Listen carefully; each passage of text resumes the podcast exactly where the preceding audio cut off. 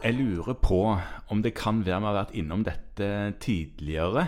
Men det skjer så ofte. Vi må snakke om det igjen. Ja. Trøtt og slapp. Ja, Ja, Snakker og- du om deg sjøl nå, eller? Eh, Litt min reaksjon på problemstillingen. Ja. For det står jo i journalen, eller i bestilling timeboken, at det gjelder trøtt og slapp.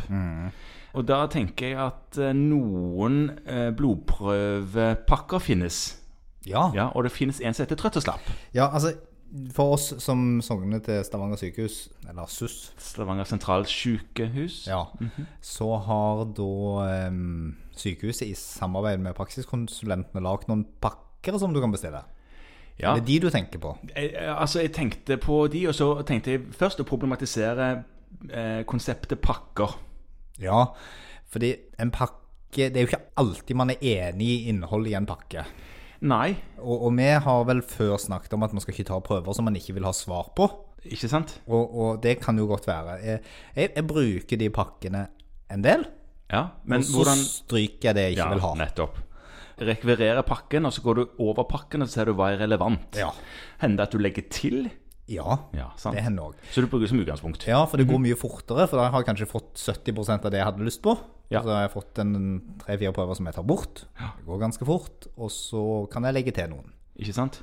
Men trøtt og slapp-pakken Ja, og den er jo egentlig grei å ta utgangspunkt i fordi at den kanskje gir en indikasjon på hva det er differensialdiagnostisk du skal tenke på når noen kommer og sier at de er trøtte og slappe. Ja.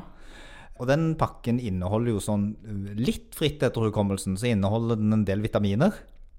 ja en del altså det gjelder ikke det. D-vitamin Ja, den pakken inneholder kanskje, Den inneholder D-vitamin, men den den sletter en jo nesten alltid. den sletter man ofte, og så er det B-vitaminer. Ja, den lar man bli. Det lar man ofte bli, ikke sant? Mm. Og, og folinsyre. Ja. Ja, så inneholder den også met eh, metylmalronsyre og homocystein. Det kan man sterkt diskutere om det er vits i å ta hver gang, Ja, de, det, mm, det kan man diskutere. men de er nå der. De er der. Eh, og så inneholder den HBAN-C. Ja, Ja. det inneholder den. Og så inneholder den jern Ja, og jernlager ja. og hemoglobin. ja, og litt hvite blodceller. Det gjør han. Og så Ja. tror jeg faktisk han inneholder CRP òg. Det gjør han. Og, og da kan man si da at hvis man snur på det, så kan man si hva er det vi prøver å finne ut? Jo, for det første så finner man ut litt sånn orienterende om du har noe mangel. Mm, Og det kan man jo bli trøtt og slapp av. Men den inneholder vel TSH også, det jeg glemte å si. selvfølgelig. Ja. Ja. Så om du har noe mangel av noe, Jeg tror faktisk den inneholder T4 òg. Men den kan Ja. man jo slette. den er ikke kjempeviktig i utredningen av stoffskiftet. Nei. Ikke oppfølging heller. Mm. styrer etter. Ja. Sånn at det å sjekke om folk har en mangel på noe, det er jo ofte det de lurer på. Tror vi mangler noe, særlig vitaminer. Ja. Jern er jo fryktelig viktig å sjekke, særlig hos kvinner i fertil alder. ja. Men også hos andre som har blitt trøtte og slappe, for et plutselig jerntap, det er ugreit. Ja, og plutselig så var det ikke så helt eh, Så var den litt mørk, den avføringen. da. Mm. Eh, Så det er fornuftig. HBAN-C har en god plass. Det å sjekke for type 2-diabetes hos pasienter, for så vidt også type 1, men de kommer ofte ikke med spørsmålet trøtt og slapp. Men, men type 2-diabetes kan av og til gi trøtthet og slapphet Ja. pga. høyt blodsukker og vekttap og generell ugreie. Men den pleier en jo kanskje ikke å rekvirere fra sykehus, iallfall ikke initielt. Nei, det kommer litt an på hvor tydelige symptomene er. Ja. CRP den er der for å dekke opp for alle mulige kroniske inflammasjonstilstander. Ja, Dels sammen med hvite, som òg skal dekke opp for enkelte kreftsykdommer. Ja. Det som ikke ligger i den pakken, er senkning. Den kan vi jo diskutere litt òg. Ja, eh, Den på, kan være fin. den kan være veldig fin på sånn diffus trøtt og slapp, for, Mm. fordi at en høy senkning indikerer jo i stor grad at det er et eller annet muffens i systemet. Ja. For å bruke det, det høyaktuelle medisinske begrepet muffins. Ja. Eh, en normal senkning har nok ikke noen kjempegod prediktiv verdi i noen som helst retning. Og det kan man jo diskutere, men, men sånn sett så er det veldig viktig hvis du får en veldig høy senkning, så har du noe du nesten er nødt til å følge opp. Ja. Ja. D-vitamin på drøtt og slapp, da skal den være veldig lav. ja. Og man har vel lært at D-vitaminprøven er for det første dyr, og for det andre ikke viktig å ta, ved mindre man har tatt D-vitamintilskudd over en lang tid, og ingenting annet er galt. Ikke sant? Ja. Og, eller du av andre årsaker har sterk mistanke om dette. Ja da. Og da må det være sånn at du lurer litt på kalsium generelt hos denne pasienten. Ikke sant? Så det å ukritisk skrive på å ta D-vitamin av pasienter, det kan man godt redusere litt forbruk av. Veldig veldig ofte får du svar tilbake at den er sånn rett under referanse, og pasienten bør kanskje ta et tilskudd. Det visste du egentlig. Ja, altså. Enden på den visa er nesten alltid ta tilskudd. Ja. Så du trenger ikke å bruke noen hundrelapper på prøven for det om. ja. Stoffskifte er jo en vinner når det gjelder drøtt og slapp. Absolutt. Spesielt igjen for kvinner. Ja. Det er svært ofte at det er normalt, selv om man føler seg trøtt og slapp, men det er for så vidt veldig greit å ta det, fordi det er jo en tilstand som er veldig behandlbar hvis man først finner den. Ja.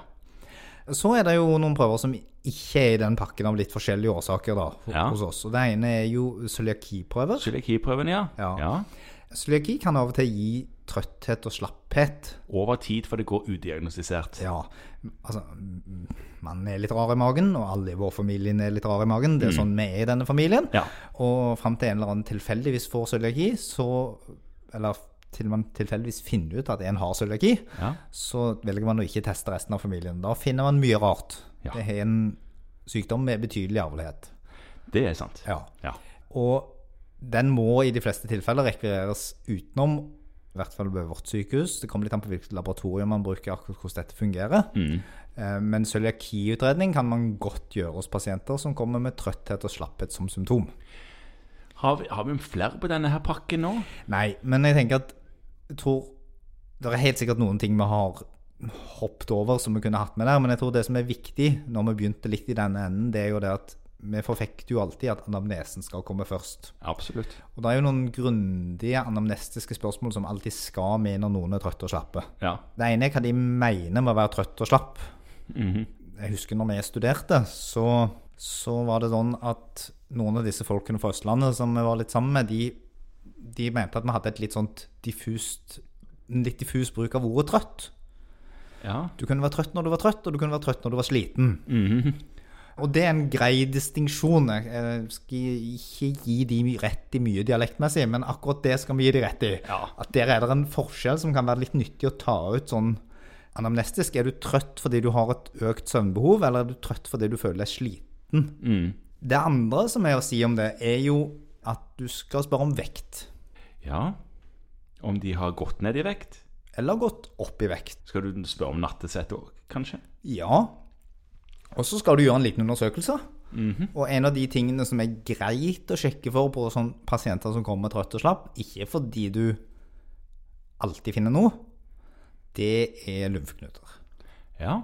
Det kan være greit, fordi du kommer til å bli spurt om det hvis du til slutt må snakke med en organspesialist om dette. Ja. Så palpere lymfeknuter, ta en vektanamnese, det er ganske fornuftig. Eh, Ikke alle vet om de har gått ned i vekt. Kan man spørre om klærne har blitt for små eller for store?